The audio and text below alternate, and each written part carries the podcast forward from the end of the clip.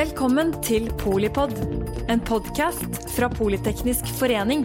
Et kunnskapsbasert medlemsnettverk for bærekraftig teknologi og samfunnsutvikling. Da skal jeg presentere disse to herrene litt mer. Tormod Heier, du er altså forfatter av denne boken.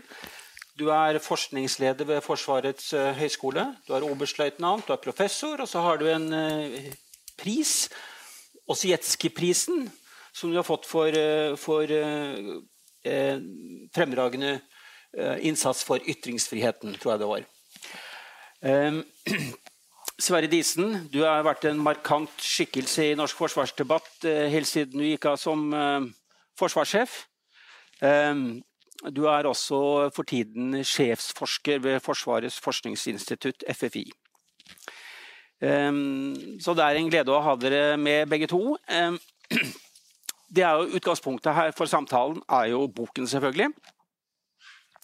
Eh, og den må jeg si er jo ganske aktuell, da. Eh, på to måter. Det ene er selvfølgelig at vi alltid har en pågående diskusjon om Norges forhold til Russland. Eh, så har vi altså et regjeringsskifte, så man kan jo lure på om det blir noe ny politikk.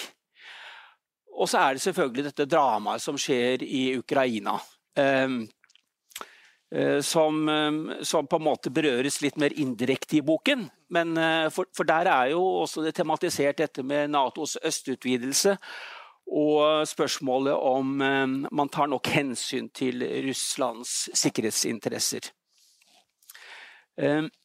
Opplegget nå er liksom som følger. Uh, først tenkte jeg at det var greit å ha en liten prat med bare Tormod Heier, fordi at vi på en måte får presentert liksom hovedpunktene i boken. Og så uh, følger vi opp med Sverre Disen etter hvert, og hvor han får lov til å komme med noen hovedsynspunkter. før vi på en måte får en litt mer samtale og debatt om, om eh, det som er sagt, og, og, om selve boken. Det skal også være mulig å stille spørsmål for, fra publikum, så, så, det tar vi gjerne imot. Uh, ja, først gratulerer med bok.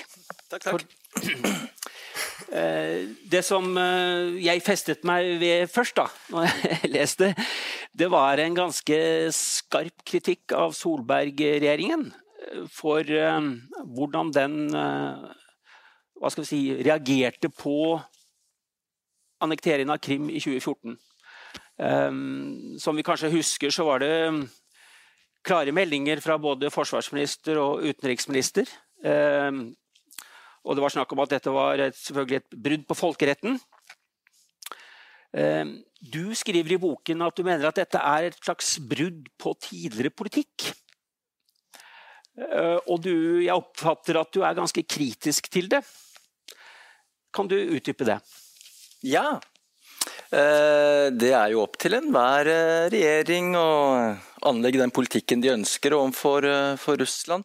Men det jeg hadde i bakhodet da jeg dykket ned i Solberg-regjeringens håndtering i 2014 av Krim-anneksjonen, så hadde jeg de norske regjeringene sin håndtering i 1956, da Sovjet gikk inn i Ungarn, og i 68, da Sovjet gikk inn i Tsjekkoslovakia, og 79, da Sovjet gikk inn i Afghanistan.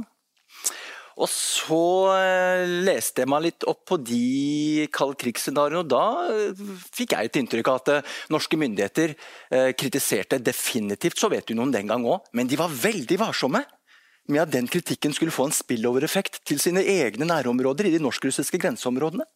Så det var en slags eh, ambivalens under den kalde krigen, hvor man ja, kritiserte Sovjetunionen for disse folkerettsbruddene, men samtidig også med en viss pragmatisme i bakhodet. For å unngå at det skulle få altfor store konsekvenser for en selv i, i, disse viktige nærområdene i nord. Og den eh, pragmatismen den eh, opplevde jeg kanskje ikke i like sterk grad i 2014, da Russland annekterte Krim.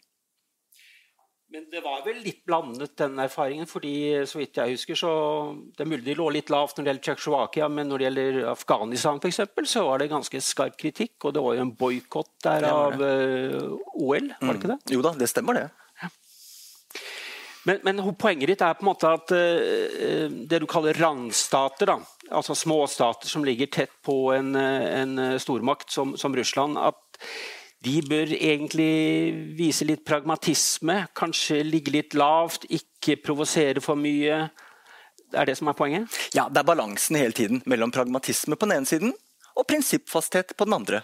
Og Det er to grunnleggende prinsipper som norske myndigheter har ført eh, siden Nato-medlemskapet i 49 og frem til i dag. Men så er det jo finnes jo ikke noe fasitsvar på hvor mye pragmatisme og hvor mye prinsippfasthet skal man utvise. Det vil sikkert variere, og uh, har man for lite av det andre, så kan man kritisere sikkert at det er for mye uh, av den andre. Men Betyr det da at det at man var såpass tydelig når det gjaldt Krim, at det har fått noen konsekvenser i vårt forhold til Russland? Ja, jeg tenker jo det. Uh, jeg tror at hvis man hadde inntatt en litt mer pragmatisk holdning, og sett dette også fra et russisk perspektiv på hvorfor man angrep og annekterte Krim, så ville man kanskje fått et eller annet klima i de norsk-russiske grenseområdene som kanskje ikke var like spent som i dag. Og Da snakker vi ikke om de områdene hvor amerikanerne uansett hadde begynt å bevege fly og fartøy ut i Barentshavet, men i de norsk-russiske grenseområdene. Men det vet man jo ikke, for de gjorde det ikke. Så det blir jo bare spekulasjoner. Eh, et kjernespørsmål som du stiller i boken, det er at um, er om USA er blitt en del av problemet snarere enn en del av løsningen på uh, Norges um, um, sikkerhetsutfordringer i nord. Og, og tittelen på boken antyder jo at du mener ja. men, men forklar litt mer. Ja, jeg tenker jo at Det finnes bare ett land i denne verden som kan gi Norge troverdige sikkerhetsgarantier i møte med Russland, verdens største land på 117 millioner kvadratkilometer. Og det er og blir USA, som står for 40% av verdens samlede militære utgifter. Så vi er helt og holdent avhengig av et kjempegodt og nært og effektivt samarbeid med amerikanske styrker. Spørsmålet er bare hvordan forvalter vi det samarbeidet på en måte som gjør at vi kan få så troverdige sikkerhetsgarantier som overhodet mulig. Men uten å fremprovosere russiske motreaksjoner i de norsk-russiske grenseområdene.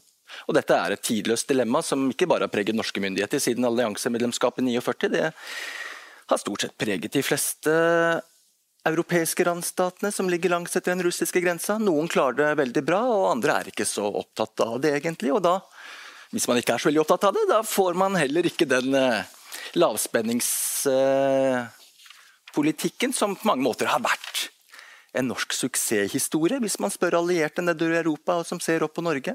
Mm. De mener jo at Norge har helt unik Russland-kompetanse. En slags kompromisskultur som mange misunner oss. Og de drar opp til Norge for å lære mer om hvordan vi har håndtert Russland. Det var noe som forrige generasjon under den kalde krigen kunne nesten til fingerspissene, men som da Sovjetunionen valgte å oppløse seg selv i 91, gradvis gikk i glemmeboken. Mens da fra 2014 så ser vi at de kommer mer og mer opp til etterretningstjenesten igjen for å lære mer om, om, om Russland. Selv USA. Så det ligger i på en måte i det du skriver, da, at, at man har sluppet for uh, USA for tett på de har blitt invitert inn, som du mm. også bruker det, det ordet. Mm. Men uh, er, er, det mulig å holde USA mer på armlengdes avstand, egentlig? Uh, I den ja. sikkerhetspolitiske situasjonen som vi er i dag? Ja, jeg tror det. Det er ikke noe fasitsvar. Det er ikke sikkert, men jeg tror det. Men det forutsetter én ting. Og det er jo at myndighetene er villige til å bruke mer penger på Forsvaret. Fordi Hvis man hadde brukt mer penger på Forsvaret, så ville man antagelig fått lov, hatt råd til å kjøpe flere styrker. Og da ville utholdenheten økt i de norsk-russiske grenseområdene. Husk på Dette området hvor Finnmark fylke er jo like stort som Sveits, 10% større enn Danmark. Havområdene utenfor er jo seks ganger større enn eh, en fastlandet vårt. Så der, Vi snakker om enorme områder og liksom skal ja, 4,35 millioner mennesker, eh, nei 5,35 millioner, har råd til dette, her, så må man antagelig være villig til å bruke mye mer penger enn det vi er villige til å gjøre i dag. og det, det, tror jeg rett og slett ikke man er villig til, for det finnes mange andre viktige samfunnsformål som har høyere prioritet. Så da, Med den teknologiske fordyrelsen og driftskostnadsveksten på moderne forsvarsmateriell, og sånne ting, så sier det seg selv antagelig at det små stater antagelig ikke har noen som helst forutsetning for å kunne holde seg med et altfor stort forsvar. Altså. Med mindre man da ikke er villig til som sagt, å bruke en mye høyere prosentandel av BNP på forsvar. Og Det betyr at uh, da øker vel egentlig bare avhengigheten til dette ene landet i vest som vi er så avhengig av. Mm. Du, du, snakker altså om et sikkerhetsdilemma. Um, hva, er, hva, betyr det, eller hva legger du, legger du, i dette sikkerhetsdilemmaet? I det så mener jeg at uh, Norge blir redd når Russland ruster opp. Og når vi blir redde, så åpner vi opp for mer amerikansk tilstedeværelse i norske områder, slik at vi kan kompensere for vår underlegenhet i forhold til Russland ved å invitere inn flere amerikanere. Og Da får vi til en mye mer troverdig avskrekking av Russland. Men Russland da blir de redde, og så begynner de å ruste opp mer på sin side, fordi de ser at amerikanerne kommer nærmere deres egne grenser. Og Når de da ruster opp, som følge av det, så blir vi enda mer nervøse og har en tendens til å invitere inn enda flere amerikanere. Og Da får vi en sånn eskalerende spiral hvor begge parter ruster opp i den tro at de selv skal få mer sikkerhet. Og Da føres hele regionen inn i et såkalt eh, nullsumspill, hvor man begynner å se på nasjonal sikkerhet som et eksklusivt gode det går an å konkurrere om, istedenfor å se på sikkerheten som et udelelig gode. Og Dette her ender jo opp i et paradoks. Og det er at Til tross for at begge parter bruker masse penger på forsvar, så ender alle opp med mindre sikkerhet fremfor mer. Fordi det skal så mye mindre til før en liten misforståelse eller ulykke eller feiltolkning kommer ut av kontroll, og så har vi det gående. Så sikkerhetsmarginene reduseres istedenfor å økes. Men eh, det store problemet for Norge er jo at eh, på russisk side, som har da mm, modernisert sitt forsvar eh, over 10-12 år De har fått nye våpen som gjør at varslingstidene blir veldig korte. Og det har jo gjort det nødvendig for Norge å sørge for at vi får alliert hjelp mm. mye raskere. Det er jo bakgrunnen for en del av de tingene som norske myndigheter har gjort. Enten det gjelder US Marines på rotasjon, eller om det gjelder andre tiltak. da. Mm. Eh, eh, men eh, det betyr jo ikke at man skal hele tiden trappe opp ut fra det. Men, men det å sørge for at vi kan få alliert hjelp tidsnok, mm. er ikke det helt grunnleggende? Ja, Definitivt. og Det var også en grunn til at vi eh, fikk forhåndslagringen i Midt-Norge i 1981. Det var fordi vi på slutten av 60- og begynnelsen av 70-tallet så at Sovjet eh, begynte å øve med flåten sin ute i Norskehavet, og at norske myndigheter var redd for å bli stengt inne bak Russlands fremste linjer hvis det skulle bli en krise. Og Det er samme logikken vi har i dag. Det er grunnen til at norske myndigheter i hvert fall under Solberg-regjeringen ønsket eh, amerikanske støttepunkter til Norge. Det er for å få raskere inn forsterkninger, slik at vi ikke ender opp bak russiske fremste linjer hvis det skulle bli en krise. Så Det er ikke tvil om at med kortere varslingstid som du sier, Sverre, så øker også behovet for mye raskere innføring, overføring da, av eh, amerikanske styrker til Norge. Det er ikke tvil om. Så Spørsmålet liksom er bare hvordan vi håndterer det, samtidig som vi forsøker også da å ha et eh, noenlunde dialogbasert og tillitsbasert forhold til, eh, til, russerne, slik at vi klarer å øke og ikke redusere sikkerhetsmarginene. For det er jo grunnen til at eh, eventuelt russerne har Iskander-missiler med lang rekkevidde og høy hastighet og kort varslingstid mot Norge. Det er ikke fordi russerne frykter 5,35 millioner norske eh, mennesker som holder seg med et forsvar som kanskje holder i tre-fire dager. Det er ikke derfor. Russerne frykter ikke Norge. Russerne frykter bare én ting, det. Og det er at Norge blir brukt som springbrett for amerikanske operasjoner. Enten nordover mot Kola, der de har sitt viktigste utenrikspolitiske instrument, de atombaserte rakettene, eller østover over Sverige og inn i Østersjøen for å beskytte Baltikum. Hva, hva tror du egentlig om hvordan de russerne tenker? Er de, er de redd for Vesten og Nato på den måten du beskriver nå, eller handler det egentlig om frykt for import av fargerevolusjoner fra, fra mm. naboland? Mm. At det er det som egentlig uroer eh, Kreml? Ja, Tror du eh, virkelig at, at, at, i Moskva så sitter man og, og, frykter at Nato skal angripe, eller USA skal angripe Russland? Ja, det er vanskelig å si, for vi har ikke noe sånn empiri på hva som foregår inni nyrene og hjertene på generalstaben og i Putin. Men eh, basert på de uh, styrkene de plasserer ut i nordområdene f.eks., så virker det ikke som det er godt egnet til å beskytte seg mot fargerevolusjoner. Det, jeg tror det at de lovene eh, som Russland har implementert, særlig på ytringsfrihetssiden siden 2012 og fremover, hvor Russland gradvis har blitt mer og mer autoritært, det tror jeg er lover som er mye bedre egnet til å hindre sånne farverevolusjoner som du snakker om. men når jeg snakker om disse militære styrkene, så tror jeg det knytter seg egentlig mer til eh, amerikansk og alliert styrkeoppbygging som strekker seg fra Varangerhalvøya i nord til omtrent til Krimhalvøya og Svartehavet i sør.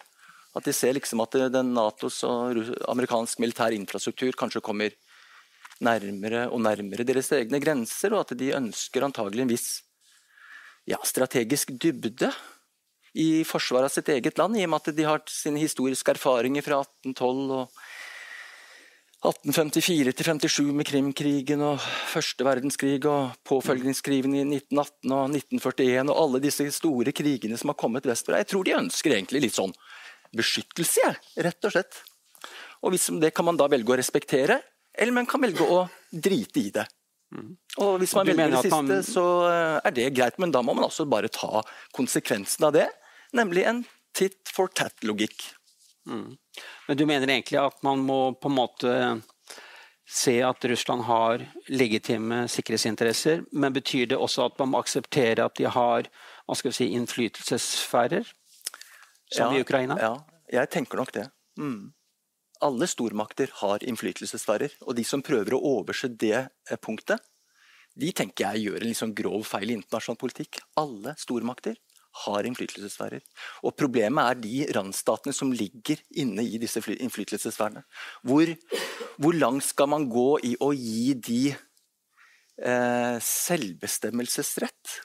Kunne man tenkt seg løsninger hvor man f.eks. som i Ukrainas tilfelle da, fikk lov til å bli medlem i EU og Den eurasiske union, men f.eks. overtalte de til ikke å bli medlem av Nato, f.eks. Eller kunne man sånn som i norsk tilfelle tvilsomt kanskje bli med i Nato, men da må de pålegge seg selv en god del selvpålagte restriksjoner. Mm. For poenget er at du får ikke mer sikkerhet om ikke naboen din får det samme. Det er logikken. Da er det på tide å la Sverre Disen komme til ordet. Um, kan du få lov til å gi det liksom en sånn hovedkommentar først? til boken og det som er sagt? Eh, ja, nå begynner vi å be om unnskyldning for stemmen. Vi eh, får se hvor lenge den holder. Men eh, jeg reagerer jo ganske sterkt, vil jeg si, både på Heiers virkelighetsbeskrivelse og på det vi kaller kalle mangelen på logikk i en del av slutningene. Fordi for å, for å begynne i den enden eh, altså denne forestillingen om at amerikanerne, eller Vesten, gitt at de altså faktisk hadde en plan om, eller en, en tanke om på et eller annet tidspunkt å, å angripe Russland i, i sånn nordvestområdene, eh, så har de jo absolutt ikke bruk for Norge i den sammenheng. Altså det, er, det er absolutt ingenting som gjør det verken nødvendig eller fordelaktig å bruke Norge i en sånn sammenheng. Det var det for tyskerne i 1941, men altså i dagens verden så er jo militærteknologien kommet dit hen at hvis man skulle se for seg et sånt angrep, så ville det skje med missiler levert fra fly og fartøyer som ville i utgangspunktet befinne seg langt fra Norge. Skulle man sannsynliggjøre at russerne faktisk var redd for å bli angrepet med Norge som springbrett, som Heier sier, så måtte man faktisk sannsynliggjøre at det er et tenkelig scenario at amerikanerne ville bygge opp bakkestyrker i Finnmark eh, med tanke på en, en fremmarsj mot Murmansk. Det eh, er ikke noe scenario som noen tar eh, alvorlig i dag i det hele tatt. Så, så jeg syns det er ganske typisk at, at Heier bruker altså dette begrepet springbrett. Eh, som om det er nærmest en, en selvinnlysende sannhet, en slags aksion. Eh, uten i det hele tatt å sannsynliggjøre eller konkretisere hva dette springbrettet faktisk skulle bestå i. Og så er det altså dette med at vi kunne bruke mer penger på Forsvaret, og så ville vi ikke være i denne situasjonen. Eh, jeg er nok helt enig med Heier i at eh, det er tvilsomt om vi vil bruke så mye mer penger på Forsvaret som vi da måtte gjøre. Og da skal man jo huske på at målestokken på norsk allianseavhengighet, det er jo styrkeasymmetrien mellom oss og Russland. Det er den som betyr noe i den sammenheng. Hvis vi eh, la oss si da, var villige til å bruke litt mer penger på en fregatt til og en bataljon til og noen fly til, ja, så kunne det se ut som en betydelig satsing med vårt eget forsvar som målestokk, men det betyr jo ingen verdens ting i forhold til Russland. Eh, og når Russland ruster opp i nordområdene, så er det altså min påstand at det har rett og slett ingenting med Norge å gjøre i det hele tatt. Det er bare et uttrykk for at Russland er på vei tilbake og vil gjeninnta sin plass som en stormakt i verden etter det de ser som en ydmykende periode etter Sovjetunionens fall. Og i den forbindelse så skal vi ikke, tror jeg, ha så store tanker om oss selv at vi tror at russerne egentlig er veldig bekymret for uh, hva Norge foretar seg i den forbindelse. Uh, og så skal vi jo også huske at eh, fordi vi nettopp da har denne, denne, forståelsen av oss selv som eh, nær sagt mye viktigere enn vi faktisk er, og opptatt av avskrekking og beroligelse, som det heter, så har vi jo selvfølgelig gitt russerne et spillkort som de ville være svært dumme hvis de ikke brukte. Det er klart at så lenge, så lenge dette er en diskusjon i Norge, så kan russerne ved å si at de føler seg truet eller forulempet, eller på en annen måte satt i en, i en uh, ubehagelig situasjon av Norge og USA i Norge, uh, ja, så har de selvfølgelig et veldig godt utgangspunkt for å skape uenighet om forsvars- og sikkerhetspolitikken i Norge, hvilket selvfølgelig er i deres interesse. Det øker altså deres handlingsrom i forhold til Norge, og det gir dem i seg selv en form for beskyttelse uh, ved det at de er Russerne er generelt interessert i at land i deres nærhet og i deres omgivelser at de er svake og, og, splittet. Og det er i og for seg helt naturlig for en stormakt med Russlands uh, utgangspunkt. Ja, du får få lov til å svare på dette. Går du Russlands ærend? Ja, det virker litt sånn. Når vi sitter her og diskuterer, så er dette implisitt en stor fordel for russerne. For gjennom denne type diskusjoner så bidrar jeg til å skape splid i det norske samfunnet. Og da blir norske samfunnet mye mer eksponert og utsatt for et enormt russisk press. Ja, det kan man jo gjerne tro. Men det tror ikke jeg. Jeg tror snarere tvert om at det norske samfunnet blir enda mer trygt og stabilt og demokratisk. Og jeg tror at gjennom disse diskusjonene, som eh, Disen åpenbart tror virker eh, veldig splittende sett med russiske øyne, så tror jeg nesten at det norske myndigheter får en enda bedre anledning til å forankre politikken i det brede laget av folket. Og særlig på et politikkområde som veldig mange opplever som lukket og utilgjengelig og fremmedgjørende. Noe som i seg selv bidrar til å delegitimere hele politikkområdet og den strategien som norske myndigheter legger til grunn. Og Når det gjelder denne springbrettmetaforen, så tror jeg nok ikke at jeg snakker om eh, krig, altså. Jeg snakker nok om eh, amerikansk ønske om å ha situasjonsforståelse i nordområdene. Eh, det er grunnen. og så Hvis altså Disen mener at Norge er helt uinteressante, så er det jo veldig rart. da, Disen. Hvorfor ville amerikanerne ha opptil 20 støttepunkter i Norge? Eh, Erna Solberg gikk jo helt til taket og måtte sette virkelig ned foten. og nei, det får jamma holde med fire. Men hvis amerikanerne er så utrolig uinteresserte i Norge, hvorfor ville de da ha 20 støttepunkter? Uh, og når vi ser på overføring fra Kongressen til European Deterrence Initiative, så er det jo Norge siden 2014 som har fått desidert mest penger i å bygge opp militær infrastruktur. Og Grunnen til dette her sånn, det er vår geopolitiske plassering, 40-120 km fra noen av verdens mest avanserte kjernefysiske raketter, som i dag utgjør den aller største trusselen mot USA. Det er altså ikke IS eller Nord-Korea eller Kina eller uh, noe sånt noe. Det er disse russiske atomvåpen. Og Derfor er Norge på mange måter en utrolig viktig lytte- og varslingspost. Vi er ikke bare en taktisk flanke i forsvaret av Europa, vi er en strategisk front av strategisk eh, en beskytter av, Vi er en strategisk front i beskyttelsen av USA. Eh, nettopp pga. vår beliggenhet så tett på disse, fysiske, disse kjernefysiske våpnene. Så Det har egentlig vært mitt hovedanliggende i denne boka, å prøve å få frem den strategiske tomteverdien av Norge i dette perspektivet, og ikke et sånt perspektiv som har med full krig å gjøre, for den tror jeg nok vil bli gjennomført med langt fra Norge, for å si på den måten. Ja, altså, da har jeg for det første ikke beskyldt Heier for å liksom gå russernes ærend. Um, men jeg har sagt at russerne har åpenbart en klar interesse av at det er uenighet om sikkerhetspolitikken i Norge. I den grad de altså i det hele tatt er interessert i Norge. Så har jeg heller ikke sagt at amerikanerne er uinteressert i Norge. Var, jeg, mitt poeng var at russerne er altså ikke spesielt opptatt av hva Norge gjør, eller hva som foregår i, i Norge. Eh, jeg tror ikke russerne oppfatter Norge som en spiller i, i deres målestokk og i deres øyne. Norge er en del av brettet. Eh, men eh, for å vende tilbake til Heiers virkelighetsbeskrivelse La meg sitere fra boken. Norge er et viktig utgangspunkt for amerikanske operasjoner. Hvor tar Heier den fra? Altså, hvilke operasjoner er det egentlig vi snakker om her? La meg, la, meg bare, la meg, bare, fortsette. USA tar Norge i bruk for militære formål. Amerikanske ubåter opererer ut fra Tromsø-området. Tidvis projiseres det også militærmakt sør og østover fra Trøndelag og Østfold gjennom Sverige og Kattegat. En eller flere oppgaver for de amerikanske styrkene i Norge er å demme opp for erkerivalen i øst er det disse 500 amerikanerne med håndvåpen på vintertrening som skal demme opp for eh, erkerivalen i øst?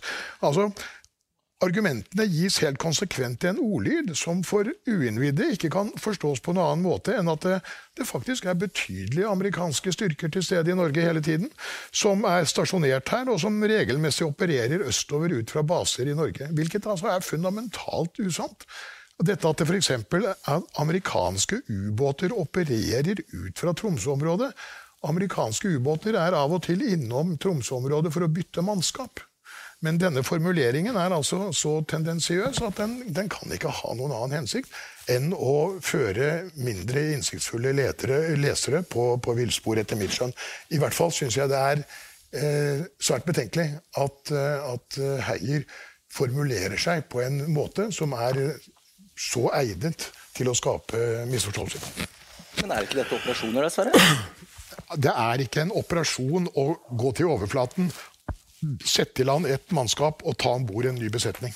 Det er ikke en operasjon, det er et administrativt foretagende. Og når amerikanerne er opptatt av Norge, så er det riktig. De er opptatt av Norge, i motsetning til russerne. Fordi amerikanerne har altså påtatt seg å forsvare Norge i en gitt situasjon. Og det er, gitt vår beliggenhet, en meget krevende oppgave, som, hvis de skal ha noe mulighet for å lykkes med den, forutsetter at de altså har gjort en del forberedelser i forhold til både infrastruktur og materiellagring og en del andre ting. Ellers så er ikke den sikkerhetsgarantien de har utstedt, verdt papiret den er skrevet på. Ja, jeg syns jo du er litt urimelig i den tolkningen av, den tekstsnutten, jeg, da. For det jeg legger i operasjoner, det er nok de vedvarende flyvningene med maritime patruljefly. Og disse stadig hyppige besøkene med amerikanske ubåter. Og treninger også ut eh, etter hvert nå, eventuelt fra disse støttepunktene i Sør-Norge. Eh, østover gjennom Kattegat. Jeg ser jo på dette egentlig som operasjoner som har eh, flere hensikter. Jeg tror Den viktigste hensikten er egentlig rett og slett å bygge seg opp en god situasjonsforståelse, slik at man kan få kontroll med det som er den nye normaltilstanden i nordområdene, som Norge selv ikke har kapasitet til å gi amerikanerne. Eh, det tror jeg er én eh, årsak til disse operasjonene. Og så tror jeg det er en veldig viktig signaleffekt til russerne om at eh, dere må ikke finne på å prøve å øve press mot de amerikanske allierte, fordi det vil bare få konsekvenser i form av mer amerikansk tilstedeværelse.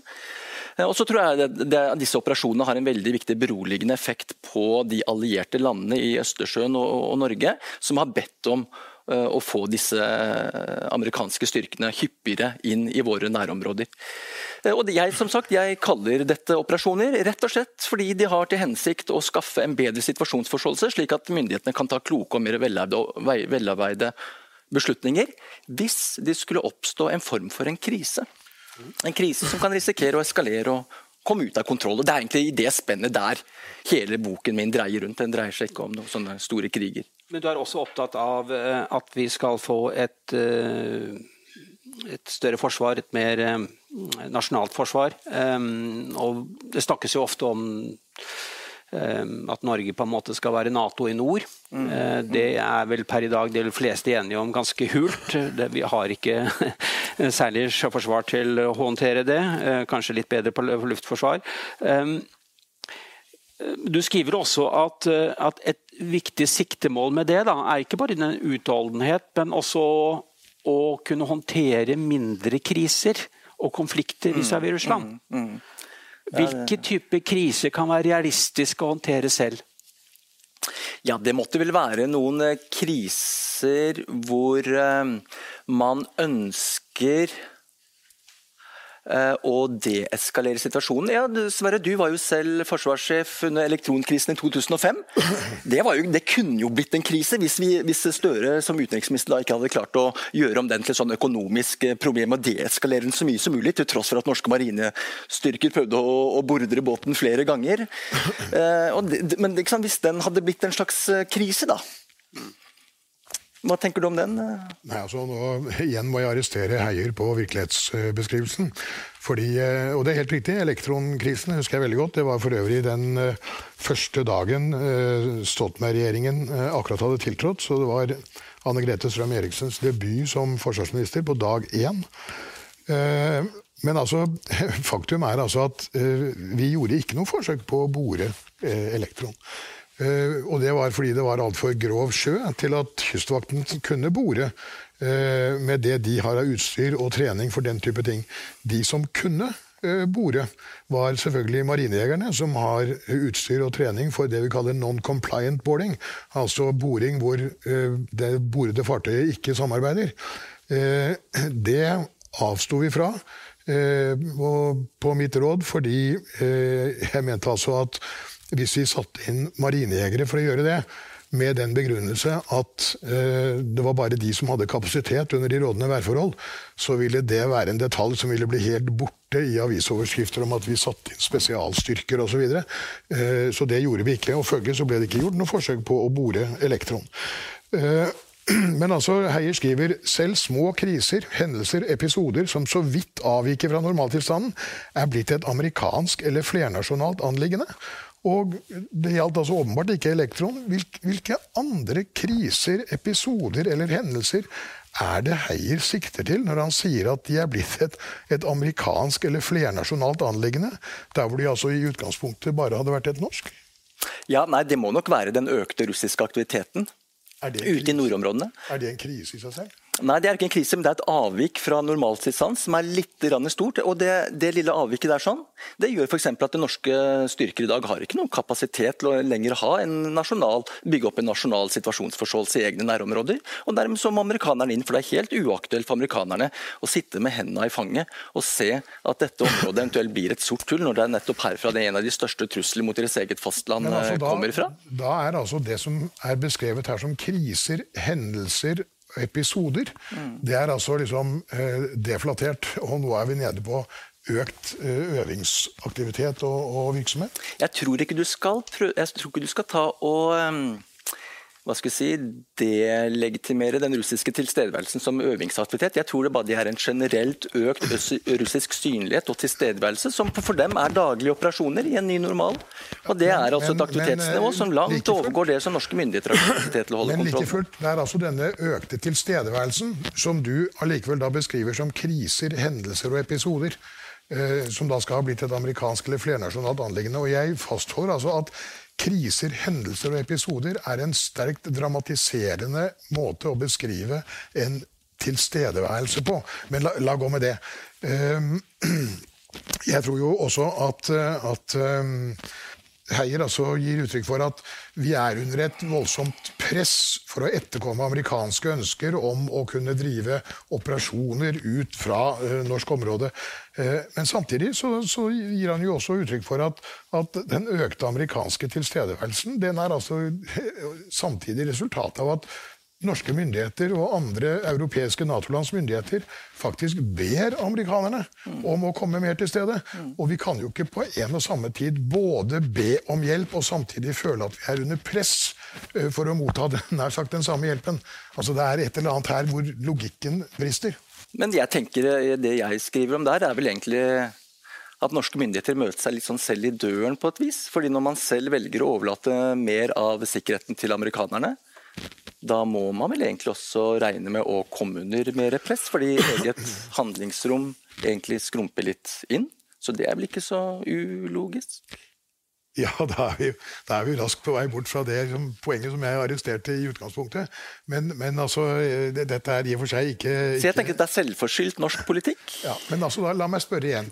Uh, og vi var altså enige om, eller jeg tror vel kanskje vi kan være enige om, at vår allianseavhengighet Målestokken på den er styrkeforskjellen, asymmetrien mellom Russland og Norge. Og eh, så kan man jo tenke seg hva skulle det bety, eller hva ville det kreve av forsvarsbudsjetter hvis Norge skulle øke sin nasjonale forsvarskapasitet i, på en måte som gjorde at vi ble altså signifikant mindre allianseavhengige? Har Heier noe forslag til hvor uh, stor andel av BNP vi da måtte bruke på forsvar? Og skal vi si noen formening om hvor interessert det norske folk ville være i, i som, eh, å bruke slike summer på Forsvaret? Mm. Nei da, Det skriver jeg ikke så mye om i denne boka. egentlig. Jeg bare nevnte det innledningsvis eh, i stad. At eh, skal norske myndigheter eh, ha noen mulighet til å ha norske fremfor amerikanske styrker i de norsk-russiske grenseområdene, så må de nok være innstilt på selv å øke forsvarsbudsjettet betydelig. Og et spørsmål er om de er interessert i det. Altså fordi det er så mange andre samfunnsmessig viktige prioriteringsområder som kanskje kommer høyere opp på lista.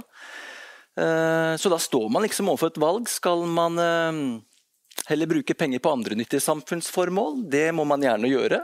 Og da er det i så fall en villet politikk, men da er det også viktig å være klar over hvilke konsekvenser det har på sikkerhetsområdet. Nemlig at Norge kommer høyere opp på den russiske listen over mål som eventuelt må tas ut i en tidlig fase av en krise eller krig. Og det er ikke fordi Russland er så redd for Norge, men det er fordi at Norge brukes som utgangspunkt for en rekke amerikanske styrker i en veldig tidlig fase av en krig, eh, av, mener jeg, en krise, hvor man ønsker hele tiden å bygge opp en situasjonsforståelse og ha sjøkontroll og prøve å demme opp for at russiske sjøstyrker skal komme altfor langt ut i Norskehavet eller i Nord-Atlanteren.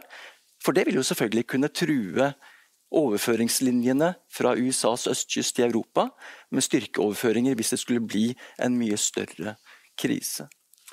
Så det er liksom Hvis jeg kan, hvis jeg kan få lov altså, Heier bruker stadig formuleringer av typen amerikanske styrker, de amerikanske styrkene i de norsk-russiske grenseområdene. Det er altså ingen amerikanske styrker i de norsk-russiske grenseområdene. Og det kommer ingen dit heller, med mindre vi uttrykkelig ber om det. Jo da, det er flere amerikanske styrker der. Så vi har både ubåter, og så har vi to USS Cole eh, og USS Donald Cook, som er amerikanske missilskjoldbåter, altså med Aegis-radarer, som har til hensikt å avskjære eller skyte når russiske missiler hvis de kommer opp. Og De blir sågar etterforsynt av, eh, da, som er et, et norsk altså, sjøforsvarsskip. Og så har vi en rekke maritime patruljefly som også hele tiden flyr ut fra Andøya inne i disse norsk-russiske områdene. Så jeg tror ikke det er helt riktig riktig av deg å si eh, at det ikke er amerikanske styrker men, men i de altså, norsk-russiske grenseområdene? Hei, altså, Norsk-russiske grenseområder i alminnelig norsk språkbruk det signaliserer til de menneskene som sitter og hører på dette, at vi snakker altså om Pasvikdalen eller i det minste om norsk territorialfarvann. Vi kan selvfølgelig ikke, og amerikanerne har altså ikke tenkt å spørre oss heller, om de kan altså operere i internasjonalt farvann og luftrom. Det har ingenting med oss å gjøre. Og det kommer de til å gjøre, hva enten vi ber om det eller ikke ber om det. Så det er rett og slett et helt irrelevant eh, poeng i, eh, i denne sammenheng. Men jeg vil tilbake til dette med, dette med det nasjonale forsvaret. For det er klart at når, nettopp når Heier sier at ja, ja, nei, så hadde vi brukt mer på vårt eget forsvar, Eh, så hadde vi sluppet denne avhengigheten av amerikanerne. Men poenget er jo mine damer og herrer, at når han altså sier det uten i det hele tatt å spesifisere hvor mye penger vi da snakker om, så gir han jo inntrykk av at dette er liksom innenfor mulighetens rekkevidde, uten at vi skal behøve å gå og legge oss sultne hver kveld alle sammen. Men poenget er at Norge er altså en småstat, og Russland er en stormakt. Og det er altså intet norsk forsvarsbudsjett overhodet innenfor noen rimelighetsgrense som vil kunne skaffe oss et forsvar som gjør noe signifikant med den uh, styrkeasymmetrien. Og igjen så er det altså da litt uredelig å formulere seg på en måte som gjør at det er faktisk et inntrykk som skapes der ute, at kanskje vi skulle bruke liksom en milliard eller to eller tre mer på forsvar. Eh, prøv dobbelt så mye og se hvor langt vi kommer da. Da er vi kanskje liksom der at det begynner å merkes.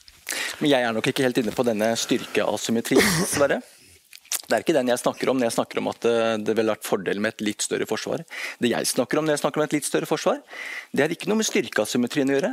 Det har med evnen til å opprettholde sustainability, altså en operativ utholdenhet i de store havområdene og på de store land- og luftområdene over tid, slik at man klarer å utvikle det vi kaller for en nasjonal situasjonsforståelse i våre egne nærområder.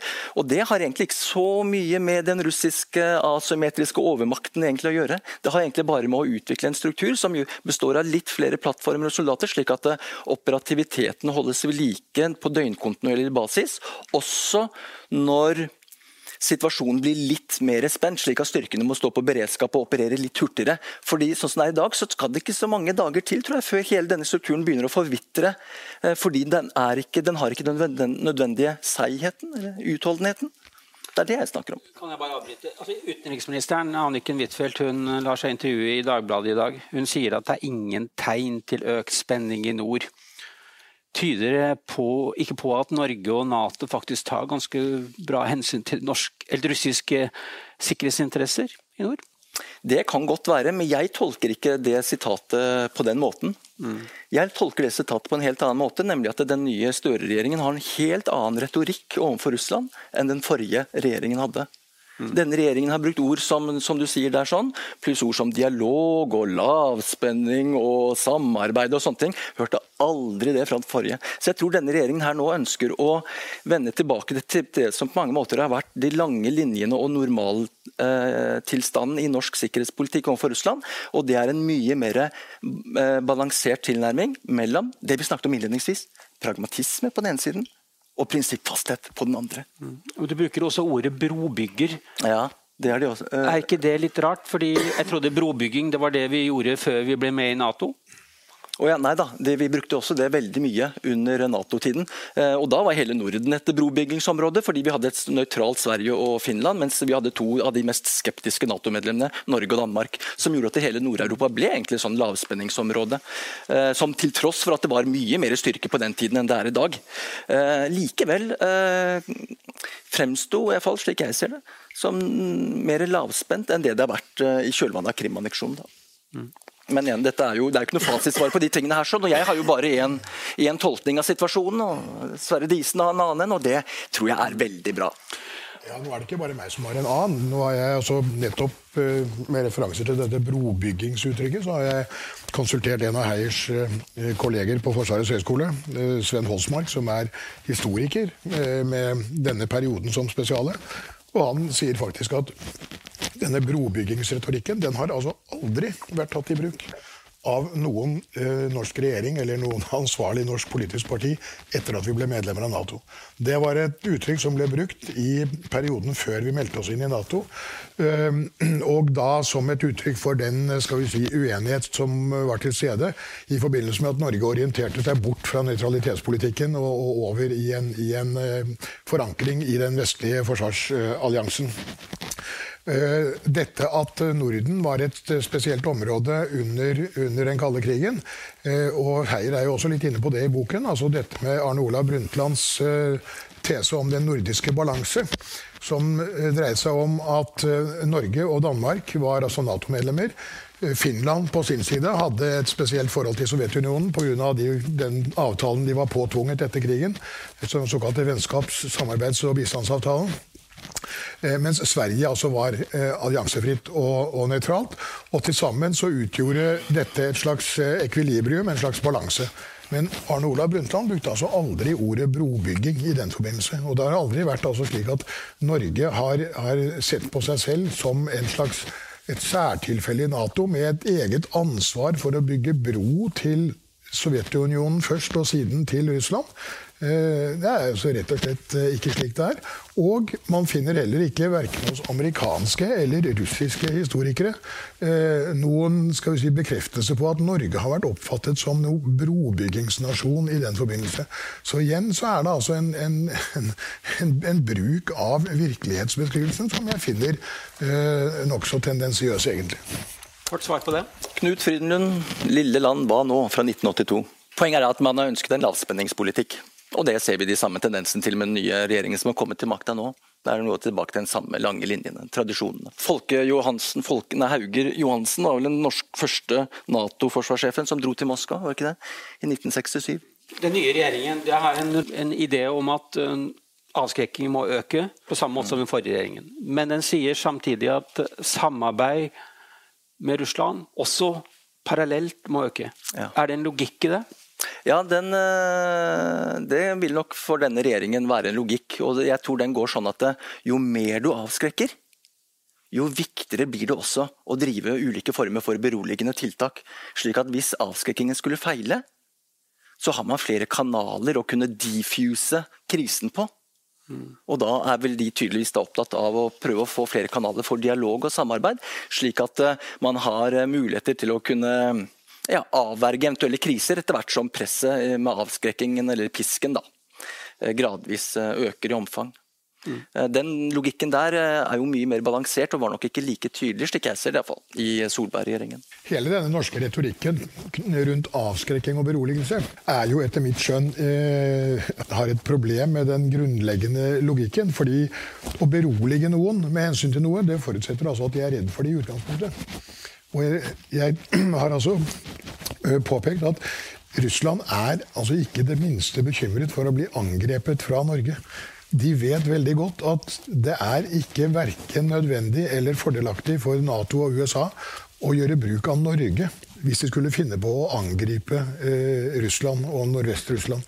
Eh, følgelig er de ikke bekymret for det. Og følgelig så er altså behovet for å berolige dem på det punkt, det er rett og slett ikke til stede. Eh, det er ikke det samme som at de ikke eh, skal vi si, intuitivt og, og følelsesmessig og på mer historisk grunnlag ikke har en, en, uvilje mot at Vesten kommer dem for nær. Men det, ikke, altså, det, har ikke noe med en rasjonell, strategisk frykt å gjøre. Basert på en vurdering av liksom, det strategiske styrkeforholdet osv.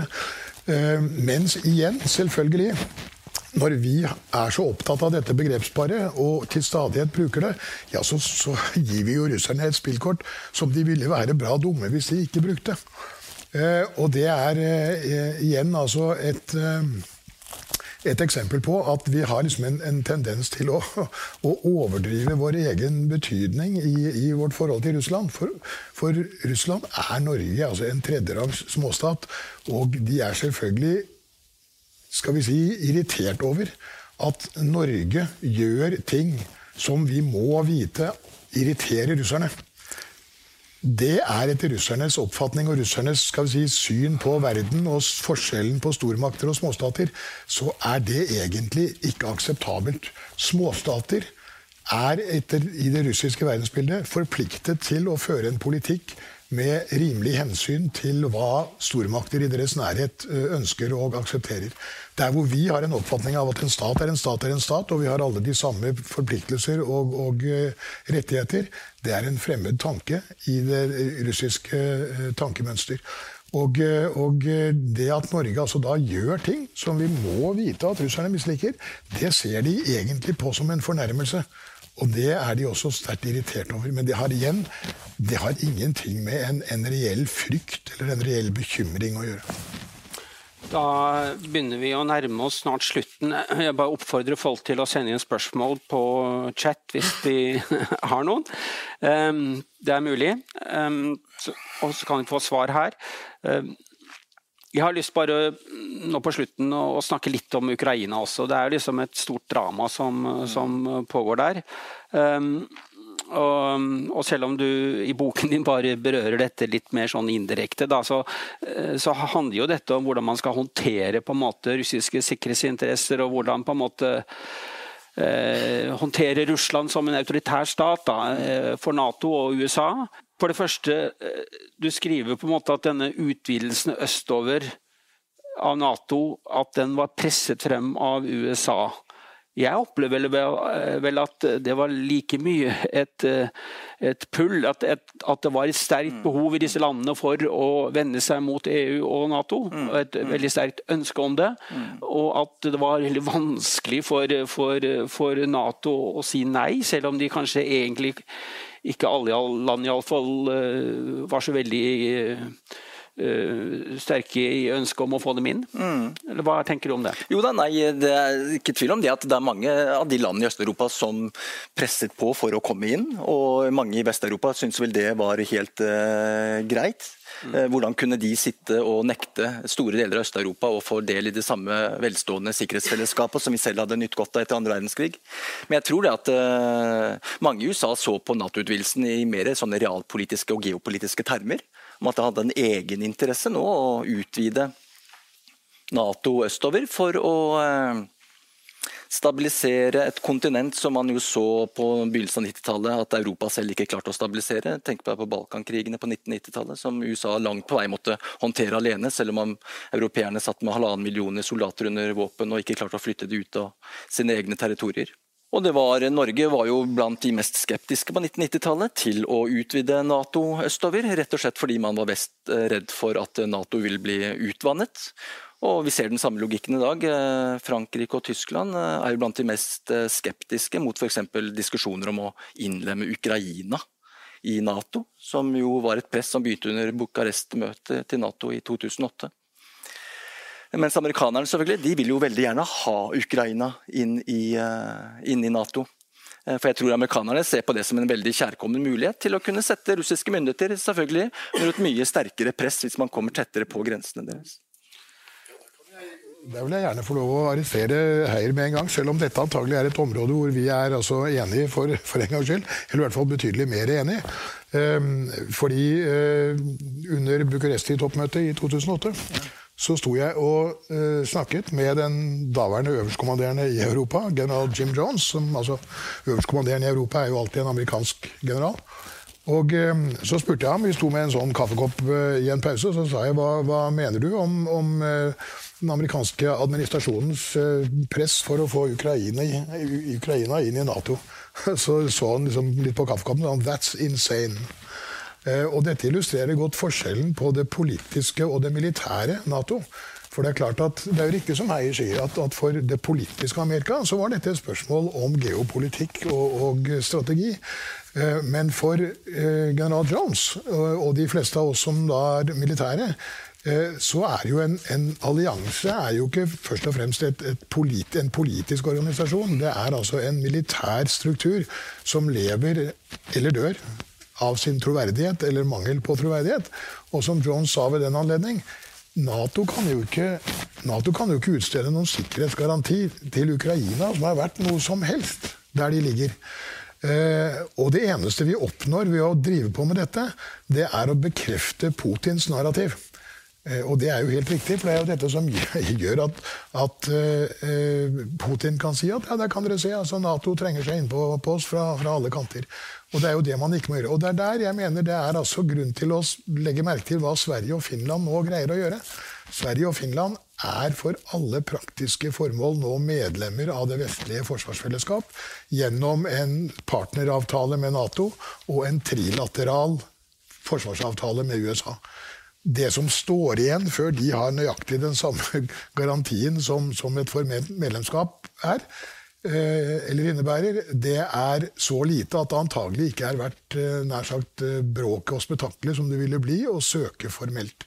Både innenrikspolitisk, fordi dette selvfølgelig er et spørsmål som altså har et visst potensial for politisk splid, og utenrikspolitisk nettopp for ikke å bekrefte Putins eh, narrativ. Så det er jo et skoleeksempel på, på hvordan det kan gjøres. Men, men jeg er eh, helt enig med Heier at dersom vi hadde visst på 90-tallet hvordan Russland kom til å utvikle seg, og at Russland liksom ikke var på vei mot å bli et liberalt demokrati, så er ikke jeg sikker på om de baltiske land hadde sluppet inn heller. Men på 90-tallet så var eh, optimismen når det gjaldt Russland, veldig stor. Og fremfor alt, det ble sett på som helt forkastelig å liksom skulle bare trekke opp taustigen bak seg og si at nei, dessverre, dere ligger så utsatt til, så, så dere kan vi ikke ta ansvar for å forsvare. Eh, men det er som jeg sier, det er forskjellen på det politiske Nato og det militære Nato. Vi tar e- et spørsmål fra, som vi har fått sendt inn her. Um, Norge er det eneste grenselandet Russland har invadert. Hvordan Aldri har invadert, unnskyld. Hvordan uh, sikrer vi den posisjonen? Noen som har lyst til å svare på det? Det er en anonym som har sendt inn. Vi skal huske at når de områdene i Russland vi snakker om nå, i, i Nordvest-Russland og Kolahalvøya, eh, de har Det er først etter krigen og eh, etter at kjernevåpenbalansen eh, liksom trådte i funksjon, spesielt med strategiske undervannsbåter basert på Gola før det så var ikke dette noe særlig strategisk interessant område for russerne. Det var rett og slett ikke særlig betydningsfullt. Og man kan se Stalins instrukser til sjefen for Nordflåten forut for det tyske angrepet i 1941. Så gir han tydelig uttrykk for at altså, dette er jo egentlig en bakevje. Men det som bekymret Stalin, var altså ikke først og fremst muligheten for en tysk invasjon, men det var muligheten for en, at vestmaktene skulle gjøre det samme som i 1918, og altså komme tilbake og bli en trussel mot, mot uh, Stalins eget uh, regime. Uh, på et tidspunkt hvor altså Ribbentrop-Molotov-pakten fortsatt gjorde Russland og Tyskland til, til allierte. Så dette området har aldri vært særlig interessant for russerne før i nyere tid, strategisk sett. Og den russiske innmarsjen i Øst-Finnmark i 1944, eh, det var jo ikke noe, noe, strategisk og politisk begrunnet innmarsj i Norge. Det var den lokale taktiske militære sjef som altså måtte ta såpass mye av eh, norsk område for å være sikker på å beherske eh, den finske korridoren ut til Ishavet. Eh, så det var rett og slett ikke noen strategisk beslutning i utgangspunktet i det hele tatt. Det var altså den, den lokale taktiske sjef som, eh, som, så på terrenget og tok så mye terreng at han altså var sikker på at man eksempelvis ikke kunne altså skyte med artilleri inn på Ishavsveien og, og tilsvarende vurderinger. Da er vi nesten ferdig, så nå oppfordrer jeg dere til noen korte sluttreplikker. Ja, nei, Jeg må bare takke Sverre Disen for en veldig fin diskusjon. Mange gode og sunt kritiske poenger. og eh, Jeg må bare understreke det at det er ikke noe fasitsvar på disse problemstillingene. her. sånn. Jeg kom med, med et perspektiv og syns derfor det var veldig nyttig å ikke ta en lett vei ut av det ved å invitere inn til et menighetsmøte, men få en av de mest eh, markante kritikerne til eh, det perspektivet jeg har fremmet i, i denne boken. Eh, men jeg tror det at eh, konturene som vi har sett fra den nye regjeringen, eh, vil nok i mye større grad nikke til noe av innholdet i denne boken, sammenlignet med det Disen har, har poengtert. Og det må vel egentlig bare bety at det er ulike strategier man bruker for å tilnærme seg denne evinnelige problematikken mellom å være alliert med USA og samtidig prøve å ha et godt forhold til, til naboen i øst. Sverre, kan du også avslutte? Ja, nei, Jeg får bare si eh, takk til uh, Tormod. Vi har diskutert før, og vi kommer sikkert til å diskutere i fremtiden. Og det, det er uh, bare sunt, selvfølgelig. Å bryne sine egne forestillinger på de som er av en annen oppfatning. Så en takk til Tormod for det. Da sier jeg takk til begge to, både Tormod og Sverre. Dette har vært en veldig interessant debatt. Det er, det er jo sånn da at jeg vet at både i Eh, Forsvarsdepartementet og Utenriksdepartementet så er den der balansen mellom avskrekking og beroligelse det er en kontinuerlig debatt hvor de aldri helt uh, um, Eller hvor det er en diskusjon da, hvor man skal legge seg. Så dette er ikke noe fasitsvar. Og det er jo et spørsmål nå, som du antyder, om, om pendelen på en måte nå svinger litt andre retningen igjen som følge av en ny regjering. Så det, det gjenstår jo å se. Tusen takk. Takk for at du lyttet til Polipod fra Politeknisk forening. Få med deg flere episoder, eller bli med på nettverksmøtene som du finner på at polyteknisk.